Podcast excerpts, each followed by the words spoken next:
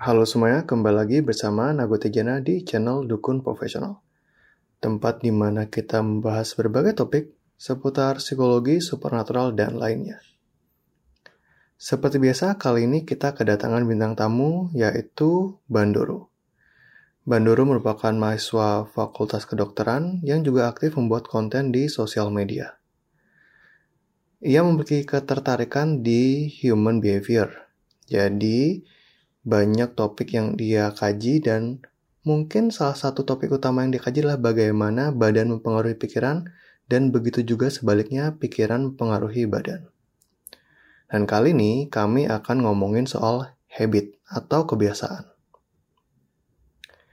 Kami akan bahas seputar kenapa habit itu penting, lalu kenapa sulit bagi sebagian besar dari kita untuk mempertahankan habit, dan apa sih yang kita perlukan untuk memupuk kebiasaan yang baik untuk diri kita sendiri. So ya, yeah, sit back, relax, enjoy, dan selamat mendengarkan khotbah dukun.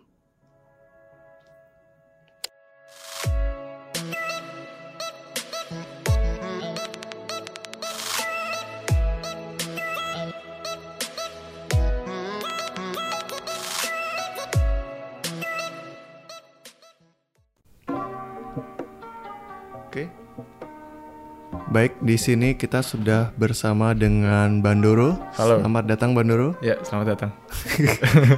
Padahal ini aku yang ke sini ya, tapi selamat datang ya. Iya, nggak apa-apa. Kita kan uh, rumah itu sebenarnya milik semua orang ya. Oh gitu. Kita komunis kan. hak seluruh bangsa, hak Iya. seluruh masyarakat. ya. Oke, jadi mungkin di awal nih sebelum kita mulai ke topik nih, em, mungkin kamu bisa em, perkenalkan dulu siapa dirimu, apa kesibukanmu gitu. Ya, jadi nama saya Bandoro. Jadi kesibukan gua atau saya ya enaknya? Eh, terserah lu. Eh, lu, gua lu, gua lu aja lah. ya, gua lo aja ya. Kesibukan gua sehari-hari, gua mahasiswa di FK Unut. Oke. Jadi itu gua sehari-hari belajar untuk menjadi seorang dokter yang baik. untuk istri gua juga nanti. Ya. Lu udah punya pacar? Hah? Udah punya pacar? Eh, soon to be lah. Oke. Berarti nggak halu lu ya ngomong istri be ya. Cukup halus sih karena calonnya belum ada. Oh gitu. Iya nggak apa-apa. Oh. Terus gue juga aktif sehari-hari gue buat podcast juga. Jadi Oke. mungkin Nago di sini juga pernah diundang ke pod- salah satu podcast gue namanya It's Okay Not to Be Okay. Dan iya untuk sekarang sih kesibukan gue lebih ke mendalami human behavior, Mhm, hubungannya pikiran dengan tubuh, mind and body. mhm, mhm. Intinya memahami interaksi mereka lah. Oke oke. Ya gitu. Itu sih yang Jadi em, berarti mahasiswa yang saat ini sedang mengejar gelar dokter, Ya. lalu sibuk buat konten juga ya. ya. Dan terutama fokusnya berarti ke arah human behavior ya. Iya. Jadi bagaimana badan pengaruhi pikiran ataupun pikiran pengaruhi badan dan Iya. lainnya. Oke. Nah buat em, mungkin para pendengar podcast ini, kalau kalian nanti em, selesai mendengarkan podcast ini mungkin bisa cek juga podcastnya Banduru. It's okay not to be okay. It's gitu okay ya. not to be okay. Oke. Sekarang kita coba langsung masuk nih ya ke topik bahasannya ya. Iya. Oke. Jadi awalnya gue mikir topik ini nih. Jadi kan hari ini kita mau bahas tentang habit. Ya. Ini karena ini awal tahun 2020 biasanya nih ini merupakan momen di mana kita mulai mencoba uh, menanamkan habit baru dalam kehidupan kita. Hmm. Oke. New, new New Year resolution. Ya, New Year New Me gitu. Bullshit. bullshit. ya. nah, sekarang kita coba nih gimana sih biar nggak jadi bullshit gitu loh. Biar Iya. gimana sih biar bener-bener good habit tuh uh, terpampang dalam hidup lo gitu. Biasanya sih um, momen tahun baru tuh memang orang gunakan untuk mencoba memperbaiki dirinya. Ya. Jadi biasanya nih kalau gua tangkap di antara gua ataupun temen gua, biasanya habit yang mereka pengenin tuh seputar misalkan satu makan sehat, Ya. dua olahraga, tiga produktif. Mungkin misalkan apa ya? Kayak misalkan kalau mereka masih kuliah ngejar skripsi ataupun kalau mereka kerja mereka apa ya cari buku-buku pengembangan diri yang kayak gitu dan itulah habit-habit yang kita pengenin gitu loh yang gue pengen mungkin lo pengen juga tapi sering kali cerita ini kandas gitu di tengah jalan gitu. Entah kenapa habit nih fall out, akhirnya gagal dan ya kembali sampai 2021 baru kita mikirin habit baru kita lagi apa gitu. Nah, kalau menurut lo sendiri nih, em, pendapat lo gimana? Mungkin awalnya secara umum dulu ya. Mungkin menurut lo habit tuh kayak gimana dan kenapa mungkin orang gagal? Mungkin Pertama-tama, menurut gue ya, untuk sukses dalam hal apa pun itu, Mhm. kayak lu ini bukan pendapat gue pribadi, lu bisa juga lihat dari contoh-contoh di luar sana. Semua orang yang sukses di karirnya atau advance lah di, di pengetahuannya atau apa pun itu pasti pertama-tama punya yang namanya habit. oke. Kalau menurut gue sih alasannya karena pertama-tama energi manusia itu terbatas. Jadi sehari lu cuma punya 24 jam dan sebuah mimpi itu butuh effort yang besar banget dong. Kayak entah lu mau bangun perusahaan, entah lu mau menjadi influencer, entah lu mau punya pacar yang cantik gitu.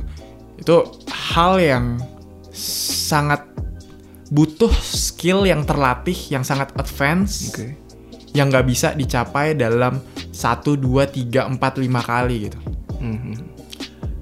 Lagi-lagi karena energi manusia sehari terbatas gitu. Lu nggak mungkin bisa sehari nge-gym, besoknya langsung berotot gitu. Langsung bicep lu udah kayak telur onta itu nggak bisa gitu. Mhm. Lu butuh proses dan prosesnya itu memang lama gitu. Oke. Jadi kalau kalau kayak mungkin lu lihat orang-orang yang sekarang sukses ya siapa siapa sih misalkan orang Indo misalkan Panji Pragiwaksono gitu. Oke. Aha.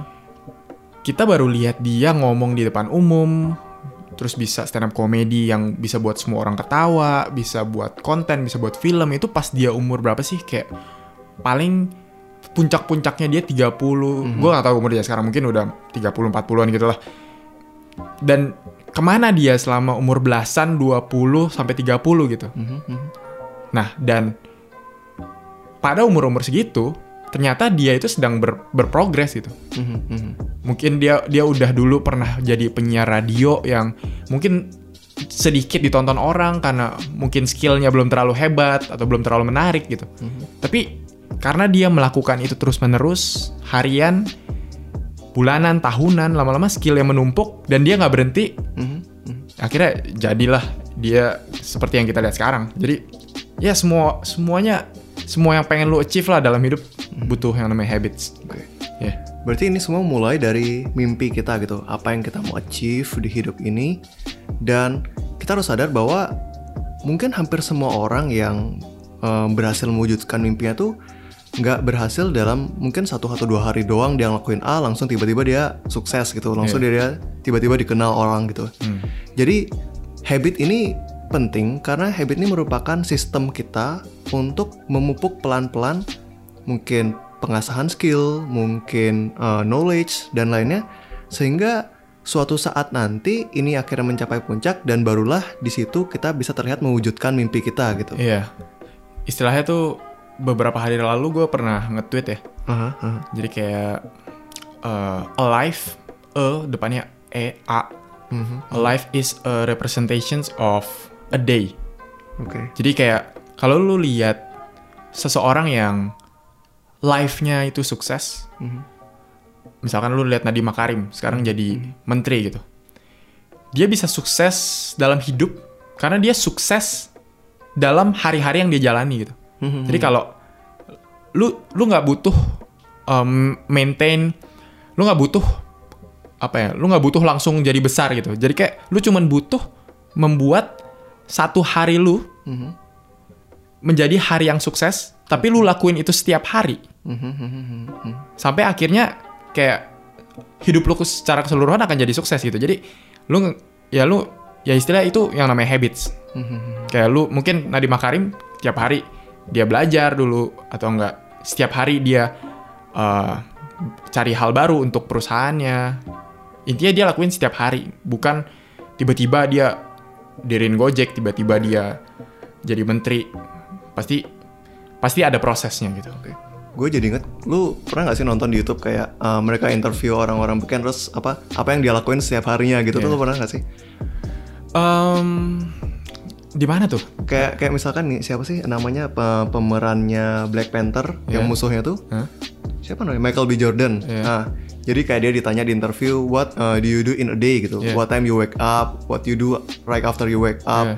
Jadi kayak uh, mungkin kita kayak bisa ngelihat mungkin orang-orang yang sukses itu pattern hidupnya tuh sudah teratur, sudah Hmm. tersistem dan dia sudah mengalokasikan waktu-waktunya untuk hal yang menurut dia penting. Hmm. Apakah itu latihan acting, apakah itu olahraga, workout atau yang lainnya. Sehingga mungkin nanti itu yang makanya bisa kamu katakan bagaimana hidup seorang tuh pada akhirnya nanti itu tercermin dari bagaimana dia membagi hari-harinya itu Hmm. gitu ya. Iya. Oke oke. Iya, jadi intinya ya itu sih kalau mau buat hidup lu secara keseluruhan sukses. Mhm. Balik lagi ini bukan ya gue baru 21 tahun ya, kayak hidup Iya, gue masih panjang, gue juga masih belum sukses gitu. Tapi kayak gue mempelajari ini dari orang-orang yang udah sukses gitu dan dan memang hampir semua orang yang sukses punya ini gitu. Ya itu salah satu caranya ya gimana caranya kita bisa membuat hari kita Mhm. satu hari aja Mhm. sesuai dengan uh, alokasi yang kita inginkan untuk kesuksesan kita di masa depan. Misalkan di masa depan lu mau jadi seorang aktor yang hebat. Ya udah lu alokasiin sehari berapa persen, berapa puluh persen untuk latihan jadi aktor gitu. Mhm. Nah, mungkin ya kayak sehari improve semana sih. Tapi kayak kalau lu jalanin itu tiap, tiap hari dalam 5, 10, 15 tahun ya skill lu akan jauh lebih meningkat gitu. Daripada lu kayak seminggu sekali tapi seharinya itu lu genjor-genjoran ya lu bakal capek banget sama effort yang terlalu berlebihan itu. Oke oke. Ya. Oke.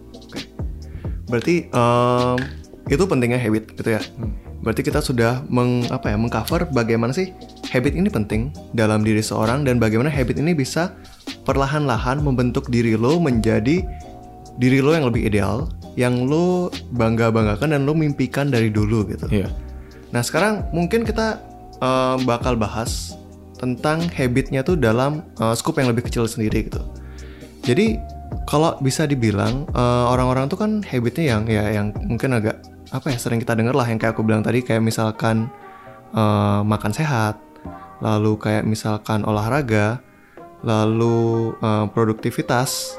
Itu menurut lo em, apakah itu habit yang orang-orang itu biasanya ngelakuin karena ngikut-ngikut teman doang atau memang itu habit yang pada dasarnya bagus diterapkan pada mungkin banyak orang gitu Tadi apa? Makan sehat, Eh, olahraga olahraga, makan sehat. terus produktivitas gitu mungkin belajar atau Oh. gimana ya?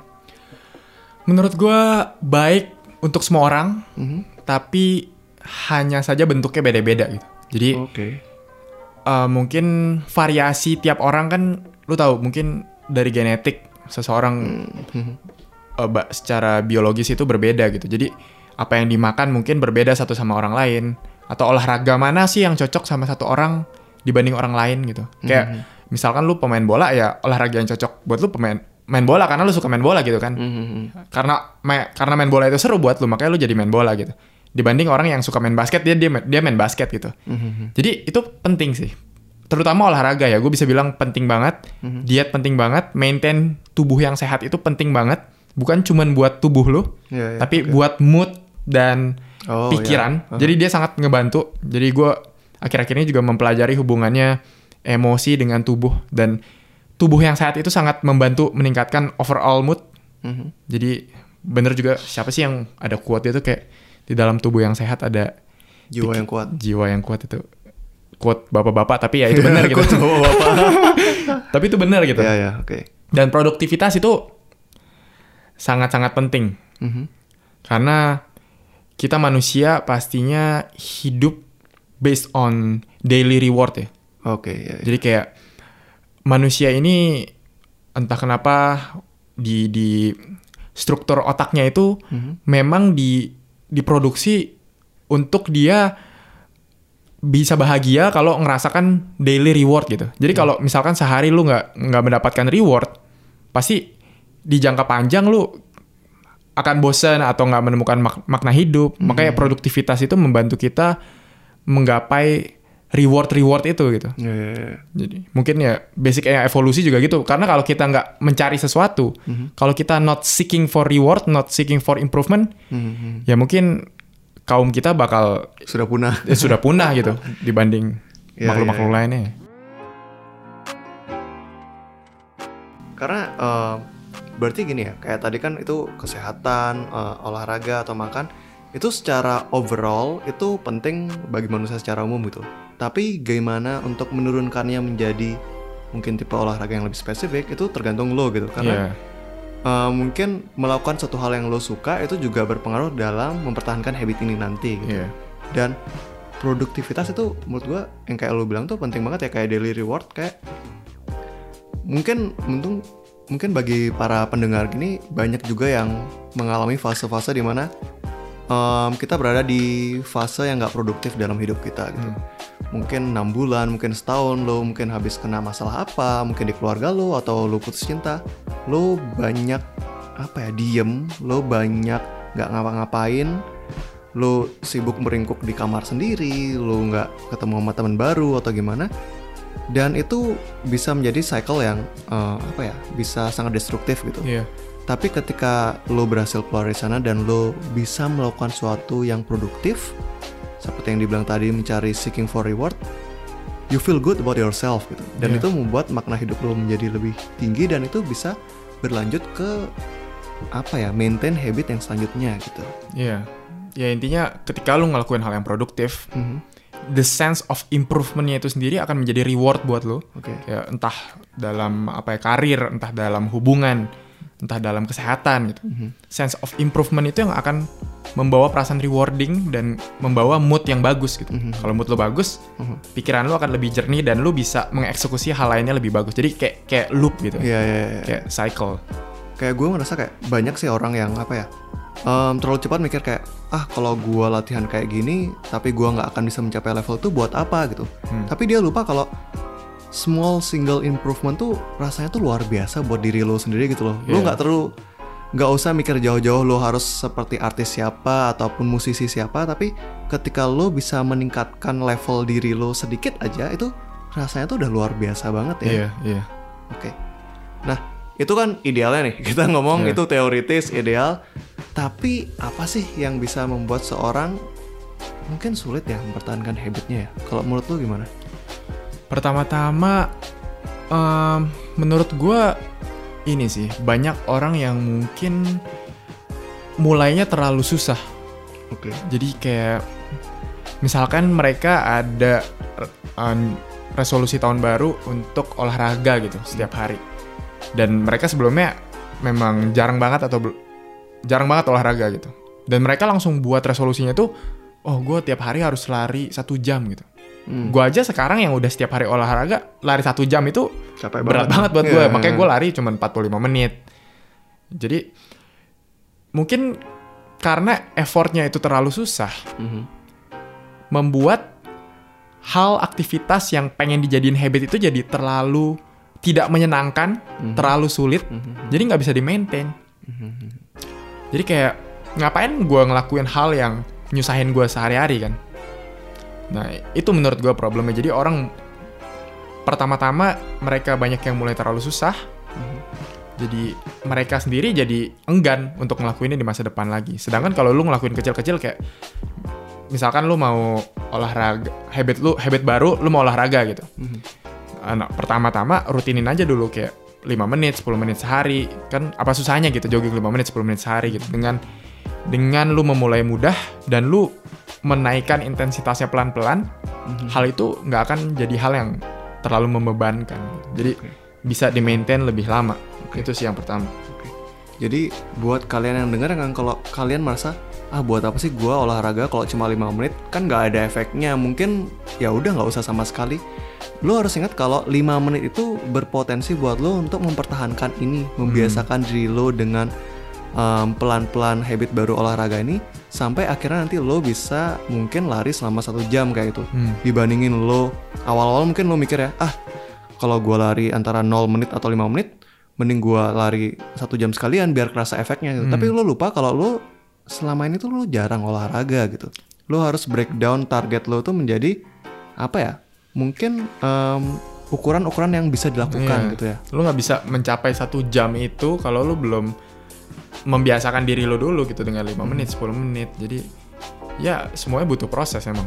Oke, ya teorinya memang seperti itu dan mungkin buat kalian yang merasa ah kenapa sih em, harus kayak gini kenapa sih kita harus breakdown ke kecil-kecil dan mungkin buat kalian ini suatu hal yang apa ya memang sih kita denger dari dulu kan ya tapi ada alasan juga kenapa tips-tips kayak gitu bertahan karena ya memang kayak gitu lo nggak bisa mengingkari bahwa em, mimpi yang besar itu berawal dari satu ukuran habit kecil yang lo lakuin setiap hari pelan-pelan gitu. Dan itu ada hubungannya sama otak sih. Jadi Oke. gue kan juga mempelajari gimana otak bekerja gitu ya. Hmm. Jadi kalau lu tahu ada senyawa yang namanya dopamin. Hmm. Sebenarnya ini oversimplification tapi berguna lumayan lumayan berguna untuk menjelaskan mekanismenya yang terjadi gitu.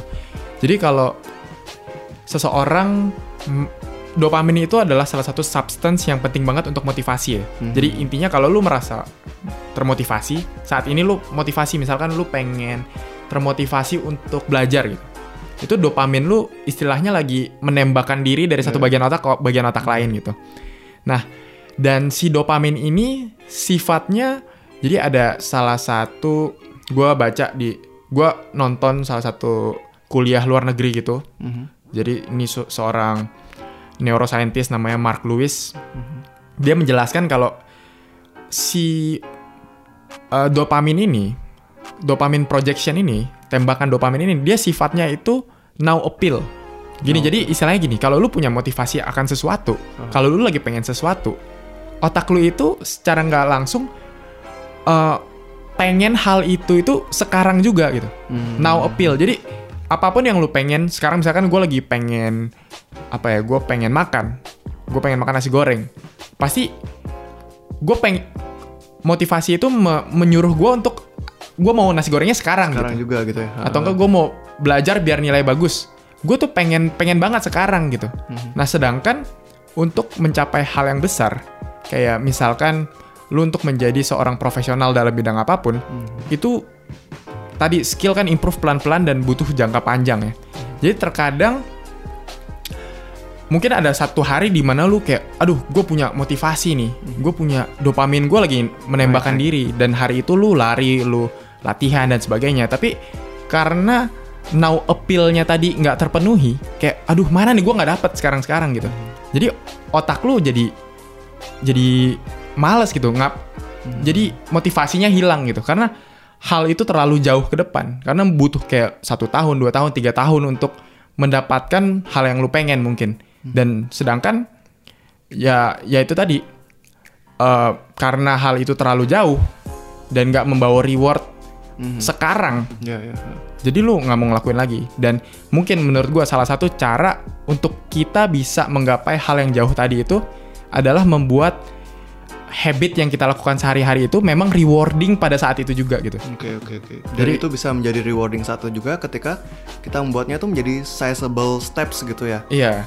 Jadi kayak sekarang misalkan gua di masa depan gue ingin menjadi seorang dokter yang bisa membreakdown hubungan antara mind dan body dan membawa breakthrough di eh, dunia medis dan sebagainya gitu. Hmm. itu kan hal yang butuh pengetahuan yang banyak, butuh experience yang banyak gitu kan. Nah, gue nggak bisa mencapai itu dalam satu dua hari kan. Tapi gue membreakdown hal itu jadi kayak sehari gue meluangkan diri gue untuk mempelajari hal yang gue suka, entah sejam, dua jam. Dan bagusnya, hal yang gue lakukan sehari-hari itu memang gue suka gitu. Jadi, Oke. jadi gue suka proses belajar satu jam, dua jam ini. Jadi tanpa mendapatkan hal besar itu, Oke. hal kecil ini pun udah membawa Ya ya. membawa Reward. reward buat gue, udah membawa motivasi buat gue. Jadi itu yang membuat gue tetap belajar tiap hari gitu. Oke oke oke. Ini mungkin salah satu poin yang penting ya karena selama ini gue ngerasa salah satu alasan kenapa orang tuh gagal resolusinya karena itu resolusi bukan dari yang lo bener-bener pengen gitu. Hmm. Itu resolusi ikut-ikutan, itu resolusi keren-kerenan. Oh gue pengen punya bisnis baru nih, gue pengen jadi influencer nih, gue pengen hidup sehat nih. Lo cuma ngelakuin itu berdasarkan eh, penilaian lo terhadap orang lain gitu. Dan ya jelas aja itu nggak bakal bertahan lama karena itu bukan dari diri lo sendiri gitu. Jadi salah satu hal yang bisa mungkin membantu adalah mungkin mending lo daripada buat resolusi banyak-banyak keren-keren tapi nggak guna, mending lo stop, lo coba untuk pahami diri lo, lo nih maunya apa sih? Baru dari sana kita buat karena kalau lo membentuk habit dari suatu hal yang lo suka, bahkan dari step terkecil pun lo akan merasakan reward di sana juga gitu. Iya. harus intrinsically rewarding. Intrinsically rewarding. Iya.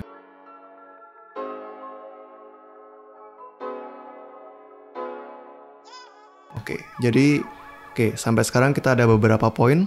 Pertama tadi tentang masalah um, ini semua berawal dari mimpi yang lalu kita uh, coba breakdown menjadi step-step kecil bagaimana sistem dalam sehari ini bisa membentuk hidup lo. Lalu yang kedua bagaimana ini menjadi suatu hal yang rewarding, bagaimana otak lo uh, mendesain bahwa ketika lo menginginkan suatu, ketika motivasi lo akan suatu tuh hadir, lo harus mendapatkannya sekarang juga. Dan ketika lo membreakdown menjadi hal yang kecil, itu bisa membantu supaya itu mendapatkan reward saat ini juga. Hmm.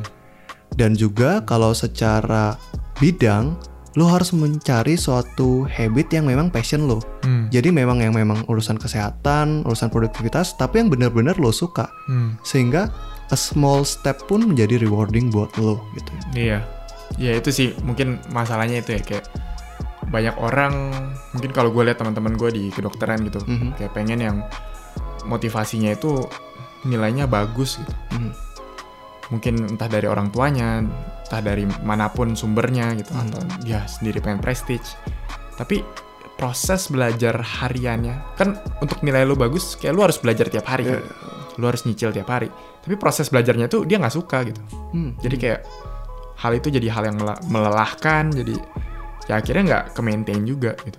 Mhm. Dan mungkin ya diperparah dengan dunia di Indonesia di mana banyak orang yang masuk suatu jurusan bukan karena dia pengen, tapi Ya. karena tuntutan orang, tuntutan sosial gitu. Jadi itu yang ya yang buat itu susah sih. Ya susah.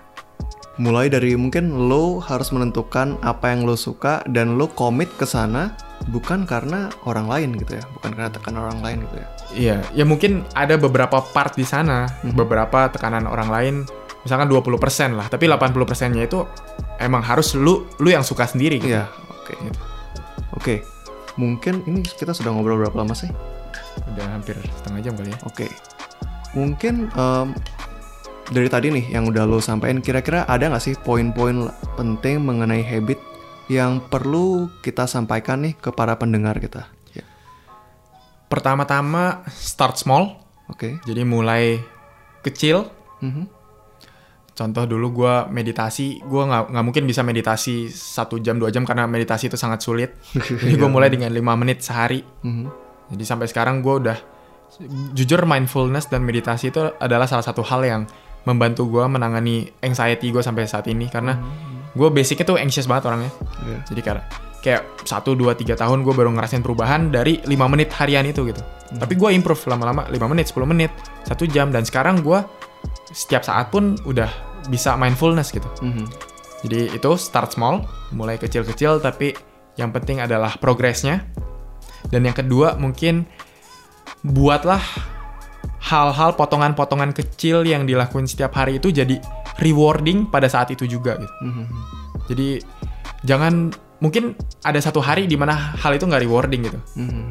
Mungkin nggak gue gue juga nggak nggak setiap hari kayak uh, termotivasi untuk belajar dan sebagainya. Tapi ya setidaknya lu- gimana caranya lu bisa memastikan kalau lebih banyak rewardingnya daripada enggaknya gitu. Oke. Sehingga hal itu bisa di maintain dan di jangka panjang akan bener-bener ngeluarin hasil yang yang beneran. Itu make it rewarding dan yang ketiga mungkin ini tips yang lumayan praktikal. Oke. Salah satu cara untuk memulai habit adalah kita harus mengontrol environment kita sehingga bisa mendukung untuk Hmm. kita melakukan sesuatu. Kayak gini. Jadi otak manusia itu behavior manusia itu sifatnya kayak lu komputer lu kan kalau programming ada if then, if if apa, then apa gitu. Mhm. Jadi ada cue, ada triggernya dan ada action. Jadi kalau manusia nih biasanya manusia, akan melakukan action kalau ada suatu trigger tertentu. Oke. Contoh, kalau lu lagi nung- duduk di mall, lu bosen, pertama kali yang lu lakuin apa? Lihat HP. Ngeliat HP. Mhm. Boring, perasaan boring adalah salah satu trigger Untuk untuk lu melakukan action lihat HP. Jadi karena lu setiap hari melakukan itu, Mhm. otak lu akan terlatih. Jadi oh boring buka HP oh boring buka HP Hmm. makanya sekarang kalau lu buka HP lu nggak harus sadar lu boring gitu lu langsung buka aja tet. Hmm. jadi kayak karena lu saking sering melatih itu jadi lu subconsciously aja melakukan itu Hmm. dan apa pun itu misalkan lu lagi di Dunkin Donat Hmm. bau donat adalah trigger lu untuk ah gue beli aja satu gitu kan dulu gue pernah soalnya gue bela- belajar di Jeko kan Oke. jadi gue emang tiap hari belajar di kafe gitu ada suatu momen di mana gue anjir ini kenapa tiap hari gue makan roti mulu eh jadi kayak Hmm. Kayak gue berlebihan gitu gue makan yang manis-manis mulu ternyata yang gue sadar adalah tempat Jeko-nya itu kayak ngasih bau donat yang sangat enak ke gue gitu Oke. jadi bau donat menjadi trigger untuk gue melakukan action Hmm. yaitu membeli donatnya Hmm. Hmm. dan nah sekarang kalau lu mau melakukan habit yang lu suka lu membuat diri lu memiliki trigger yang membuat lu melakukan habit itu juga kayak sekarang gue sadar nih kalau gue akan jauh lebih mudah untuk memulai diri gue untuk membuka buku atau me- me- memulai proses belajar harian gue kalau gue duduk di depan kopi Hmm. dan di di cafe gitu. Gue biasanya tiap hari gue belajar di Starbucks dan uh, mungkin ter- ter- terdengar hedon tapi kayak Tapi ada penjelasannya kenapa itu nggak hedon ya kan? kenapa itu nggak hedon karena keluarnya 17.000 ribu aja Oke. setiap hari. Jadi kayak itu udah investasi harian gue lah istilahnya. Jadi gue bisa mendapat hasil yang dua tiga kali leb- lipat lebih banyak karena environment gue Hmm. pada saat itu sangat mendukung gue untuk belajar gitu. Oke. Beda sama gue di kos. Di kos gue akan sangat susah banget untuk memulai diri gue belajar gitu. Jadi gimana caranya gue membuat environment sekeliling gue biar sangat mendukung gue melakukan hal itu. Oke. Dan untuk olahraga sendiri, gue punya triggernya. Jadi triggernya itu setiap gue pulang ke rumah jam 4 sore, pulang ke kosan nih. Ketika gue belum mandi, belum ganti baju kan masih kotor tuh badan. Nah, pas itulah gue olahraga. Oke. Jadi kayak badan masih kotor, tapi juga uh, belum siap untuk tidur. Jadi daripada mandi, gue olah kotorin dulu badan gue olahraga, Baru. baru gue Hmm. mandi dan gue makan. Hmm. Jadi itu juga salah satu yang membantu sih. Setiap olahraga, gue boleh makan gitu. Oke. Jadi kayak setelah olahraganya itu sendiri menjadi waktu-waktu yang sangat gue tunggu gitu. Karena kayak makan itu menjadi salah satu reward terhadap energi yang udah gue keluarin di olahraga gitu. Jadi kayak manusia tuh kerjanya gitu. Jadi ada trigger, ada action. Jadi pastiin lu membuat environment lu mendukung lu untuk Hmm. men-trigger lu untuk melakukan sesuatu habit itu. Oke. Jadi meskipun kita memang pengen suatu hal, tapi kita harus sadar bahwa kita nih nggak sepenuhnya makhluk yang sadar gitu. Kita hidup berdasarkan mungkin barisan code-code yang kita sudah latih selama ini bertahun-tahun yang kita nggak sadarin. Dan penting bagi kita untuk mulai apa ya? Mungkin sedikit mengatur, memanipulasi code-code kecil ini supaya em, membantu kita untuk melatih habit yang positif gitu. Iya. Kayak gue ngerasa sih memang kayak misalkan nih mau baca buku daripada gua em, main HP kan mending baca buku. Tapi salah satu triggernya kan gua harus memiliki buku di setiap saat gitu. Hmm. Makanya salah satu hal yang gue buat adalah ke mana pun gue pergi, eh, meskipun gak akan ada waktu untuk ngapa-ngapain, gue selalu simpan satu buku di tas gitu. Hmm. Jadi itu bisa jadi satu apa ya, satu situasi di mana gue membuat Q itu menjadi accessible untuk gue melakukan em, hal yang produktif gitu ya. Dan seperti yang dibilang tadi, penting juga untuk kita untuk memikirkan reward kita apa sih setelah kita kayak gini, setelah kita melakukan habit ini. Mungkin yang gue pengen tanyain, kalau menurut lo nih, kan ada beberapa orang yang em, ngasih reward ke dirinya, tapi itu bisa jadi apa ya? Bisa jadi bumerang gitu ya. Hmm. Kayak kalau lo tadi kan memang kalau olahraga, oh habis olahraga baru gue makan kayak gitu. Itu kan memang suatu hal yang ya wajar memang kita harus makan gitu. Tapi kan ada orang yang oke kalau gue udah belajar 2 jam, gue boleh nih nonton uh, TV series ini atau enggak kalau misalnya gue udah berhenti ngerokok selama seminggu, gue boleh deh dua batang kayak gitu. Hmm. Kalau menurut lo kalau di mana posisi rewardnya tuh memiliki potensi untuk apa ya uh, menjadi bumerang itu bagus nggak sih? Em, setiap orang kan pasti punya hal yang dia suka masing-masing ya. Hmm. Kayak lu nggak bisa ngebuat orang nggak suka sama donat gitu. Iya. gitu kan kayak lu nggak bisa em, kayak gue nih gue gue suka banget makan makan makanan yang enak-enak lah intinya gitu. jadi itu memang hal yang gue suka gitu dan itu akan menjadi nggak sehat kalau kebanyakan. Hmm. Tapi case-nya beda kalau rokok ya. Kalau rokok kan Iya. ada chemical hook dan sebagainya gitu. Jadi kayak misalkan kita ambil hal-hal yang kayak makan tadi, kayak makan apa? Makan roti apa tadi yang cewek yang yang makan donat ya, yang lu Oh, iya. menurut lu nggak sehat? Eh, misalkan eh, misalkan ketika oke gue udah makan clean nih misalkan Hmm. seminggu gitu oke gue boleh deh makan donat misalkan kalau kayak gitu gimana iya. Kalau menurut gua boleh sih, Oke. karena gue juga um, menerapkan itu dan salah satunya mungkin kalau lu yang sering diet pernah dengar istilah cheating day. Mhm. oh ya cheat day. cheating day. Jadi memang ada satu hari di mana lu boleh cheat gitu. Hmm. Jadi nggak nggak kalau lu misalkan kalau gue kan sekarang intermittent fasting nih. Jadi gue tiap hari gue puasa. Gue nggak makan 16 jam. Waktu makan gue cuma 8 jam gitu. Dan ada satu hari yang gue memang khususkan buat gue cheating day. Hmm. Misalkan teman gue lagi ngajak ngumpul gitu Mhm. dan mereka makan-makan. Otomatis gue harus break puasa gue kan. Jadi kayak memang ada kuota misalkan seminggu sekali gitu. Bisa gue pakai, bisa gue enggak gitu. Mhm. Jadi memang ada sehari yang gue pakai ya lusin aja lah gitu. Mhm. Karena tadi yang gue bahas ada si dokter Mark Lewis itu, dia juga ada teori yang namanya ego fatigue. oke Tahu fatigue itu kan kayak kelelahan kelelahan. ya. Jadi ego kita itu bisa lelah juga kalau kita terlalu paksa Mhm. di titik yang ya maksa banget deh kayak lu pengen wah gue udah diet hari ini gue nggak akan nggak akan makan-makan yang nggak sehat dalam 10 tahun ke depan gitu ada masanya di mana ego lu ini nggak kuat gitu Mhm.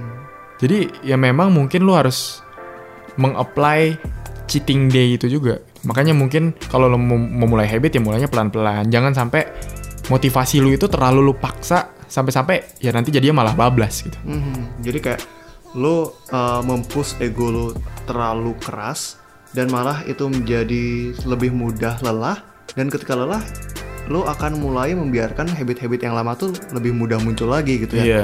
Mending lo set kira-kira oh gue bisa kurang lebih kayak gini bahkan sampai cheating day pun itu lo atur biar reward untuk diri lo tapi itu lo juga sudah perkirakan dengan menakar kira-kira uh, tingkat kekuatan ego lo sampai mana gitu ya Iya, jadi cheating day nggak apa-apa asal jangan kebanyakan gitu. Nanti gue yakin kok perlahan-lahan juga pasti improve sendiri. Bahkan nanti lo kayak kayak sekarang nih gue udah nggak pengen lagi ada Ya, cheating nggak day. usah deh buat apa gitu ya Karena nggak nyaman menurut gue. Kalau ngebreak puasa gue dalam sehari, gue makan malamnya, besoknya badan gue nggak nyaman gitu. Jadi kayak nanti akan terbiasa gitu. Oke deh. Oke, yang penting mungkin salah satu poin terakhir yang kita ngomongin adalah lo harus tahu kira-kira diri lo kayak gimana gitu. Ini kita berdua di sini ngobrol di sini ini kan cuma sebatas apa yang kita tahu, bagaimana diri kita sendiri, apa yang menurut kita cocok untuk diri kita. Tapi ketika lo komit untuk membuat habit yang baik, lo harus tahu benar-benar diri lo dan lo nggak boleh bohong gitu. Ah, gua kayaknya bisa deh kayak gini. Ah, kayaknya gua bisa deh uh, dua cheating day aja gini gini lo harus tahu yang mana cocok buat diri lo dan harus lo jujur dan komit akan hal itu Hmm. supaya lo bisa menerapkan pola pembentukan habit yang paling baik buat diri lo. Iya. Find find a reason sih. Final reason. Find a reason. Jadi kayak ketika kayak gue apalagi ya habit gue ol- olahraga gitu. Setiap gue malas olahraga, gue selalu memikirkan big picture-nya gitu. Apa yang akan terjadi kalau gue melakukan hal ini Itu sekarang? ya, dapat istri yang cantik itu ya tadi ya. Iya, dapat istri yang cantik, terus gue bisa lebih sehat. Olahraga tuh banyak banget membantu otak dan mood gitu. Jadi kayak selama ini kan gue stres, gue nggak mau jatuh ke stres yang dulu lagi Oke. dan rasa takut gue, aduh gue nggak mau stres lagi gitu. Hmm. Gue nggak mau hidup gue stres terus. Itu yang jadi pelopor gue. Oh, gue harus olahraga gitu. Apa sih uh, susahnya ngelakuin hal ini sejam aja kalau benefitnya itu Banyak. di seluruh hid- di seluruh hidup gue ke depan nanti gitu. Mhm. Termasuk istri yang cakep tadi. Wah itu nggak itu lo uh, uh, itu dopamin dalam diri lo lagi naik tuh makanya lo mikirin rewardnya yang istri yang cakep tadi gitu. Ya, ya. iya, mungkin ya. Itu harus di apa ya dipenuhi sekarang juga itu atau gimana? Em, mungkin bisa sih. Abis ini ntar gue ajak jalan cewek aja kali ya. Oke. Oke, eh, podcastnya sudah cukup sampai di sini. Oke, eh, mungkin itu aja. yang mungkin kita pengen obrolin. Um, any last word? Um, intinya apa pun yang ingin kalian lakukan, Mhm. apa pun yang ingin kalian achieve dalam hidup, kayak gue selalu berpikir kalau hidup ini cuma sekali gitu. Mhm. Dan setiap orang punya mimpi, tapi sayangnya mimpi itu sering sekali direpress Oke. dengan suatu hal yang lu sebut realita gitu. Oh realitanya gini nggak akan bisa gitu. Itu semua sayang banget gitu. Karena setiap orang punya mimpi dan hidup cuman sekali. Kalau hal itu direpress dengan suatu hal yang lu bilang realita itu sayang banget. Mhm. Tapi untuk mewujudkannya itu juga nggak mudah. Nah, untuk mewujudkannya itu perlu kerja keras. Mhm. Kerja keras itu nggak bisa dilakukan dalam satu hari karena energi manusia terbatas. Hmm. Oleh karena itu kita harus memecah hal besar tadi ke goal-goal harian yang sifatnya kecil dan progresif. Jadi apa pun yang ingin lo achieve, pastikan lo membuat habit dari hal itu. Alokasiin berapa persen hidup hidup lu harian lu untuk melakukan hal yang emang pengen lu achieve di jangka panjang. Gitu jadi ya itu sih. Oke. Ya, ya, Terima kasih banyak Bung Bandoro ya, atas ilmunya hari ini. Mungkin untuk para, em, para pendengar yang penasaran, mungkin di mana mereka bisa menemukan mungkin konten lo atau apa? Jadi konten gue juga buat podcast namanya It's Okay Not To Be Okay Mhm. dan lu bisa cari di Spotify atau di mana pun kecuali Apple Podcast nggak ada kayaknya. Terus lu bisa follow gue di uh, Instagram di @bandorogunarso tapi sekarang gue lagi lebih aktif di Twitter @bandorgun. Ya so itu kalau kalau tertarik ya bisa langsung aja. Oke, sip. Sekali lagi terima kasih Bandoro, Bondaro. Ya. Nama lu yang mana sih? Hah? Apa apa aja bebas. Oke, apa aja bebas ya. Seenaknya. Bandara, oke. Ya boleh. Oke, eh, mungkin sampai ketemu di podcast selanjutnya. ya, Thank you. thank you. Kamu baru saja selesai mendengarkan salah satu episode dari Khotbah Dukun. Sebelum pergi, jangan lupa untuk cek episode-episode lainnya yang mungkin bisa membantu kamu dalam memahami dunia lebih baik. Nama saya Nago Tijina dan sampai jumpa di Khotbah Dukun berikutnya.